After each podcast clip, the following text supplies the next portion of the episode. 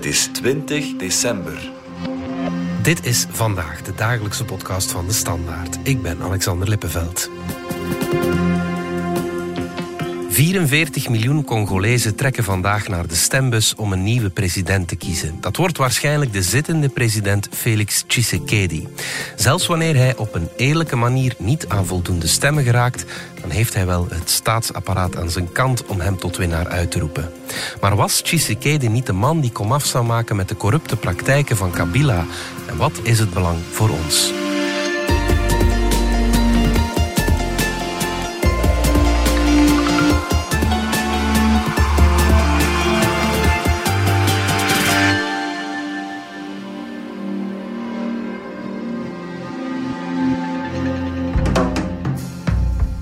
Koen Vidal, chef buitenland van onze krant. Jij volgt uh, Congo al jaren. Vandaag mogen de Congolezen weer naar de stembus, vijf jaar na de laatste presidentsverkiezingen. En deze podcast komt meteen met een uh, disclaimer, want jij durft er je hand niet voor in het vuur te steken dat die uh, verkiezingen effectief kunnen doorgaan vandaag. Gaat toch niet helemaal. Ja, we komen nu wel heel dichtbij, maar de vorige editie is drie dagen voor de stembusgang uitgesteld. Mm. Er was heel lang uh, sprake van dat het opnieuw uitgesteld ging worden. Mm. Omdat ja, het is ten eerste wel een hele uh, een ongelooflijke logistieke operatie. Dat is een ja. land zo groot als West-Europa, met hele slechte wegen enzovoort. Mm. Dus dat is heel moeilijk, maar er is heel veel controverse rond, ook omdat uh, de kieslijsten niet volledig zouden zijn. Veel mensen hebben geen identificatiedocument om te gaan stemmen. Dus dat blijft de hele tijd in de lucht hangen, dat mogelijk uitstel. Ja, ja. Nu, we zijn zo dichtbij, uh, dat uitstel wordt nu wel minder waarschijnlijk. Dus mm. dat het gaat doorgaan, is nu toch meer waarschijnlijk. Wat je wel hebt, is dat bepaalde uh, en nogal wat uh, ja, grote delen van het land, Mhm. mm -hmm. dat daar de stemming ofwel heel problematisch zal zijn, mm -hmm. ofwel niet zal doorgaan. En dan heb ik het vooral over het oosten van het land, waar je een oorlogssituatie hebt, waar ja. bepaalde gebieden niet bereikbaar zijn, ja. maar wel, wel heel veel mensen wonen. Ja, ja, ja oké. Okay. Congo en chaotische verkiezingen of ja, betwistbare verkiezingen, Mhm. mm -hmm. dat lijkt wel synoniem, hè? Ja, zeker de, de vorige editie was een zeer problematische. Mhm. Mm. En je zou zelfs de vraag kunnen stellen van ja, wat, wat is het voordeel van een verkiezing als ze achteraf vervalst wordt? Mhm. Mm. Uh, want dat was zeker wel het geval. Ja. Je had toen twee belangrijke kandidaten, Felix Tshisekedi, de huidige president, en Martin Fayulu, toen Mhm. de uitdager. En volgens de betrouwbare cijfers van de katholieke kerk, want die, die sturen overal in het land waarnemers die aantekeningen maken en die echt wel een, een gedetailleerd beeld hebben van de reële uitslag, Mhm. had Fayulu gewonnen, zelfs met een, een ruime meerderheid. Ja. Maar er is dan achteraf een deal gesloten tussen Tshisekedi en de toenmalige president Joseph Kabila. Mhm. Van kijk, word jij het, dan blijft het rustig en dan geven we ook niet alles in handen van Fayulu. En wij sluiten een deal en dat kwam eraan op neer op dat moment dat Kabila en zijn vertrouwelingen een belangrijk deel van het veiligheidsapparaat konden behouden. Mhm. En ook de enorm belangrijke economie Ja. en een stuk van de illegale economie Ja. onder controle kreeg. Ja, is die greep van Kabila nog steeds zo groot vandaag, vijf jaar na die verkiezing? Nee, die is veel minder groot. Mm. En daar heeft Felix Tshisekedi als uh, politieke broker wel enige bewondering gekregen. Want op anderhalf jaar tijd is hij er eigenlijk in geslaagd om die Kabila-entourage terug te dringen Ja. op de sleutelinstellingen van het land. Na decennia van uh, ja, greep op uh, alle Inderdaad. machten. Ja. Ja, ja. En daar werd gezegd van ja, Tshisekedi is, is echt wel een politiek beest. Mhm. Dat heeft hij natuurlijk van zijn vader Etienne Tshisekedi, die jarenlang oppositieleider was en daarvoor nog in de regering van Mobutu zat. Dus Mhm. Felix Tshisekedi is gepokt en gemazeld in die Congolese politiek. En dat verklaart waarom hij op vrij korte tijd er toch in is geslaagd, wat niemand had gedacht, om de Kabila invloed fel te beperken. Ja, oké. Waarom moeten wij in Europa de verkiezingen in Congo, toch heel ver van onze deur, waarom Mhm. moeten we die belangrijk vinden? Wel, het is ten eerste een enorm land in Centraal-Afrika. Het is zo groot als West-Europa. Mm. Het heeft negen buurlanden. Mm. En de verkiezingen zijn een moment van instabiliteit en van uh, ja, potentieel geweld. En het is zo, ja, als Congo serieus in de problemen geraakt, dan gaat het niet over één gigantisch land, maar dan gaat het over een enorme regio ja. en veel buurlanden die daarin dreigen meegetrokken te worden. Dat Mm. is één. Ten tweede is dat eigenlijk een van de belangrijkste landen voor de wereldeconomie. Ja. In Congo zitten enorm veel grondstoffen niet alleen dat, het zijn de belangrijke grondstoffen voor de energietransitie die wij allemaal proberen te realiseren. Mhm. En dan heb ik het over kobalt, zeer belangrijk voor batterijen. Mhm. Dus ook batterijen voor de elektrische wagens die we allemaal uh, proberen te kopen hier. Koper, ook zeer belangrijk voor onze industrie. Coltan, belangrijk voor onze smartphones mhm. enzovoort. Maar ik heb het ook over het tropische regenwoud eh, in Congo. Mhm. Het grootste van het continent, uh, na de Amazone het grootste. En ook wel de long van Afrika genoemd. En ook zeer belangrijk voor ons. Ja. Dus dat dat allemaal goed beheerd wordt, is eigenlijk cruciaal voor heel de wereld. Ja, ja, ja inderdaad. Uh, je zegt het, is, het is belangrijk voor de wereldeconomie. Worden de Congolezen er dan ook beter van? Nee, dat is, dat is al sinds Leopold II het grote probleem. Is dat het Congolese volk nooit heeft kunnen genieten of profiteren van die enorme rijkdom mhm. die in de bodem zit. De winsten gaan in de eerste plaats naar een heel klein elite. Mhm. Vandaar dat die inzet van die verkiezingen zo groot is. Want de politieke macht uh, betekent ook vaak dat je de economische macht kunt uh, grijpen. Mhm. Veel van de winsten gaan natuurlijk ook naar, naar, naar onze kontrijen. Ik bedoel, uiteindelijk de toegevoegde waarde wordt voor een groot stuk hier verdiend. Of in China, of in andere delen van de wereld, maar in ieder geval niet ten gunste van uh, die Congolese bevolking die echt in totale armoede leeft. Ja. 60% van de bevolking uh, leeft in extreme armoede. Dan heb ik het over ja, 1 dollar per dag, mm, mm. waarmee de mensen moeten rondkomen. Um, 60 procent? 60 procent. Ja, oké. Ja. Ja, Ongeveer hetzelfde werkloosheid, vooral onder de jongeren. Nu, er is veel informele economie, maar ja, ook die informele economie brengt u niet echt ver. Dat is van dag tot dag. Mm. Maar zeg maar, de echte economie die een soort van toekomst kan betekenen voor een jonge persoon en later zijn gezin, dat is eigenlijk helemaal weg mm. of in handen van een kleine elite. Nochtans is de kans groot dat Tshisekedi op een eerlijke manier ook uh, de verkiezingen wint. Waarom zou je als gewone Congolees dan op hem stemmen als je er toch niet beter van wordt? Mm -hmm. Nu, ik denk, denk de Congolese kiezer is soms even irrationeel als de Belgische of de Europese, denk ik. Ja. En ook wel onderhevig aan um, verkiezingspropaganda. Mm -hmm. Je zou kunnen zeggen, het is beter dan onder Joseph Kabila. Mm. En je voelt dat ergens wel in Kinshasa en in delen van het land die zeg maar min of meer stabiel zijn, dat er minder dreiging is van dat veiligheidsapparaat. Mm, mm. Maar het was heel erg, hè? Ja, Onder Joseph Kabila. Dus nu is dat iets minder, maar nog ook wel problematisch. Mm. Sommige mensen zeggen, kijk, hij is nu vijf jaar bezig. Dat is eigenlijk niet lang gezien van waar we komen. Mhm. Dus laat hem nog even een extra kans krijgen. Ja. Daar valt iets voor te zeggen, want ja, dat land is totaal ontploft, mm meer dan twintig jaar geleden. En dat is ja, een totale oorlog geweest over heel dat grondgebied. Mhm. Dus echt desastreus. Enorm veel mensen die gestorven zijn, niet alleen door oorlog, maar ook door ontbering. Mhm. Dus het land is in zekere zin wel uit die, die totale situatie van geweld gekomen. Mhm. Een beetje meer stabiliteit. Dan past Tshisekedi een aantal trucken toe die zeer discutabel zijn. Hij zegt bijvoorbeeld van zijn belangrijkste tegenstander Moïse Katumbi, dat is geen echte Congolees. Mhm. Dat is er een van Rwanda, de mhm. aardsvijand uh, Rwanda, of de grote rivaal. Dat heeft te maken met het feit dat Katumbi zoon van een Congolese moeder is en een Grieks-Joodse vader. Dus Tshisekedi speelt daarop in. Het is geen echte Congolees. Dat zijn mm. natuurlijk wel kwalijke uh, verkiezingstrucs, maar die werken wel bij een aantal mensen. Ja, bovendien zijn er ook veel mensen die niet gaan stemmen. Mm. Dus die niet deelnemen aan dat verkiezingsproces omdat ze niet kunnen, omdat ze mm. geen papieren hebben. Maar ja, omdat met zo'n leven van 1 dollar per dag uh, betekent de verkiezing eigenlijk niks. Goed, de kans is dus reëel dat Tshisekedi op een eerlijke manier wint. Maar wat als dat niet het geval is? Heeft hij zich daarvoor ja, voorbereid, zeg maar? Uh, hij is goed ingedekt uh, voor dat moment, zeg maar. Hij heeft er ook alles aan gedaan om de oppositie te, te dwarsbomen. In de zin dat er ja, behoorlijk wat politiek geweld is geweest. Mhm. Opnieuw vooral tegen Moïse Katumbi en zijn entourage gericht.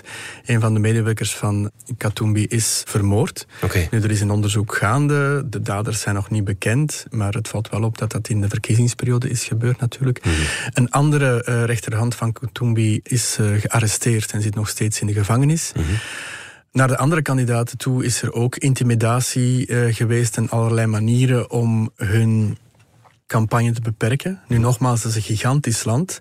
Enkel met een uh, 4x4 wagen kom je niet in die uithoeken, dus je hebt een, een vliegtuig nodig. Hmm.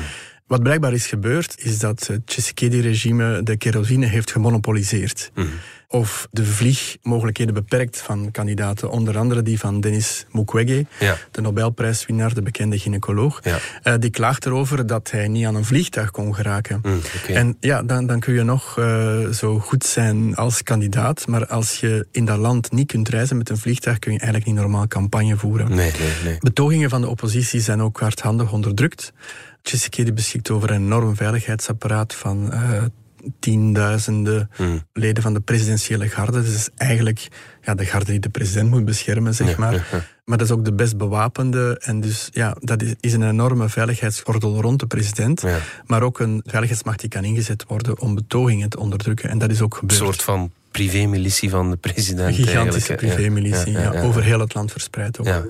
Bovendien, wat uh, Tshisekedi heeft gedaan en wat hem eigenlijk een absolute garantie op winst geeft, zelfs als het niet goed uitdraait voor hem, is dat hij zijn vertrouwelingen in de Nationale Kiescommissie mhm. heeft geplaatst. Dus dat, dat is het orgaan dat de verkiezingen organiseert, mhm. dat de uitslagen telt en dat ook in eerste instantie zal bepalen wie dan de winnaar is, wie de mathematische winnaar is. En daar kan natuurlijk van alles gebeuren in dat proces, zeker als het over zo'n enorm land gaat. Ten tweede, het orgaan dat uiteindelijk het resultaat bekrachtigt is het grondwettelijk hof. Tot voor vijf jaar zat dat vol Kabilisten, zeg maar, dus eh, aanhangers van Joseph Kabila. Dat heeft hij helemaal gezuiverd van Kabilisten en daar zitten zijn eigen mensen. Dus de twee cruciale instellingen die het resultaat moeten bepalen en bekrachtigen, mhm. zit vol met uh, Tshisekedi-mensen. Ja, oké. ja. Mhm. Welke rol speelt de oppositie dan vandaag in Congo? Wel, de oppositie leidt dus wel onder die, die pressie en die intimidatie. Dus het is moeilijk om campagne te voeren, ook heel gevaarlijk. Mhm. Maar ze hebben zichzelf het ook niet gemakkelijk gemaakt door in verdeelde slagorde naar die stembusgang te gaan. Dus ze zouden, als ze een, een, alliantie kunnen vormen, een vrij goede kans maken, omdat er behoorlijk wat sterke kandidaten zijn die ook van over heel het land komen. Hmm. Dus dat betekent dat ze eigenlijk de verschillende uh, kiesreservoirs, als ik dat zo mag zeggen, hmm. in de verschillende delen van het land kunnen aanspreken.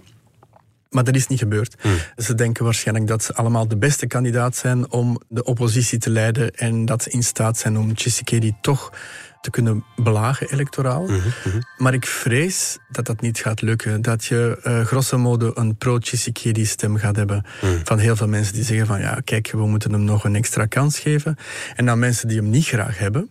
Maar dat leger kiezers, zeg maar, is helemaal versnipperd nu.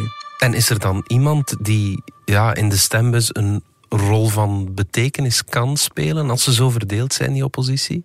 Wel, er zijn eigenlijk uh, drie sterke kandidaten. De, de meest bekende bij ons is Denis Mukwege, ja. Nobelprijswinnaar, uh, de gynaecoloog die in um, Bukavu al uh, meer dan twee decennia vrouwen die verkracht zijn helpt en opereert en een nieuw leven probeert te geven. Mhm. Ja, die heeft een ongelooflijk goede internationale reputatie. En ook wel een aura van uh, ja, smetteloosheid. En dat is ook wel zo, denk ik. Dat is echt een, uh, een zeer intelligente, eerlijke man. De vraag is of hij eigenlijk in Congo al bekend genoeg is om verkiezingen te winnen. Ah, ja. En of de Congolezen hem niet een beetje zien als ja, een beetje de man die populair is in het Westen. Ja. Uh, want het is niet altijd een voordeel om zo eh, de, de chouchou te zijn van het Westen. Zeker niet in een ehm, gebied dat zo gekolonialiseerd is als... Uh, exact. Ja, ja, Dus dat is Denis Mukwege. De andere is natuurlijk Martin Fayulu, die mhm. de vorige verkiezingen heeft gewonnen. Ja. die, die kan je niet zomaar uitrangeren. Misschien gaat hij daar opnieuw in slagen. Mm de man met ook heel veel gewicht al jaren is Moïse Katumbi. Mhm. Waarom? Omdat hij jarenlang provinciegouverneur is geweest van Katanga. De mijnprovincie. De mijnprovincie. Zeer rijk, zeer intelligent en ook wel een beetje een populist. Ja. Hij weet hoe hij mensen moet bespelen. Hij kent allerlei trucs, is zeer uh, charmant enzovoort. Mm Is bovendien iemand die zeer belangrijk is geweest uh, voor het Congolese voetbal. Okay. Omdat hij de voetbalclub van Katanga, hij is daar de voorzitter van. En die hebben ooit de Afrikaanse Champions League gewonnen. Dus Ah, ja, ja, ja. via voetbal, en dat werkt ook altijd wel, hè, voetbal, Mhm, ehm, is hij enorm populair geworden. Maar is echt wel een zwaar gewicht. En dus zeker in Katanga. Nu, wat je gaat krijgen volgens mij, is dat, we zullen zien wanneer precies, maar op een bepaald moment Tshisekedi zich tot de overwinnaar gaat uitroepen. En dat dan de oppositie de kaart op tafel gaat leggen van ja, maar het was een totale vervalste boel. Mhm, En dan denk ik dat Moïse Katumbi misschien op dat moment de, de machtigste opposant gaat zijn, precies omdat hij zo sterk staat in Katanga en in Lubumbashi. En als hij zegt, samen met de andere oppositieleiders, kom allemaal op straat om te betogen en aanvaard dit niet, dan ga je in grote delen van het land massaprotesten zien, Ja. waarvan de kans groot is dat ze door Tshisekedi veiligheidsapparaat gaan tegengehouden worden. En dan kom je in een heel, heel gevaarlijke en onvoorspelbare situatie terecht. En dus opnieuw, zeker in Lubumbashi, Katanga. En dan zitten we opnieuw bij de grondstoffen. Ja. Want daar zitten de belangrijke grondstoffen voor onze wereldeconomie. Ja. En als het daar, of onder andere daar, helemaal fout loopt, dan zitten we wel met een, ehm, Ja. een probleem dat Congo overstijgt.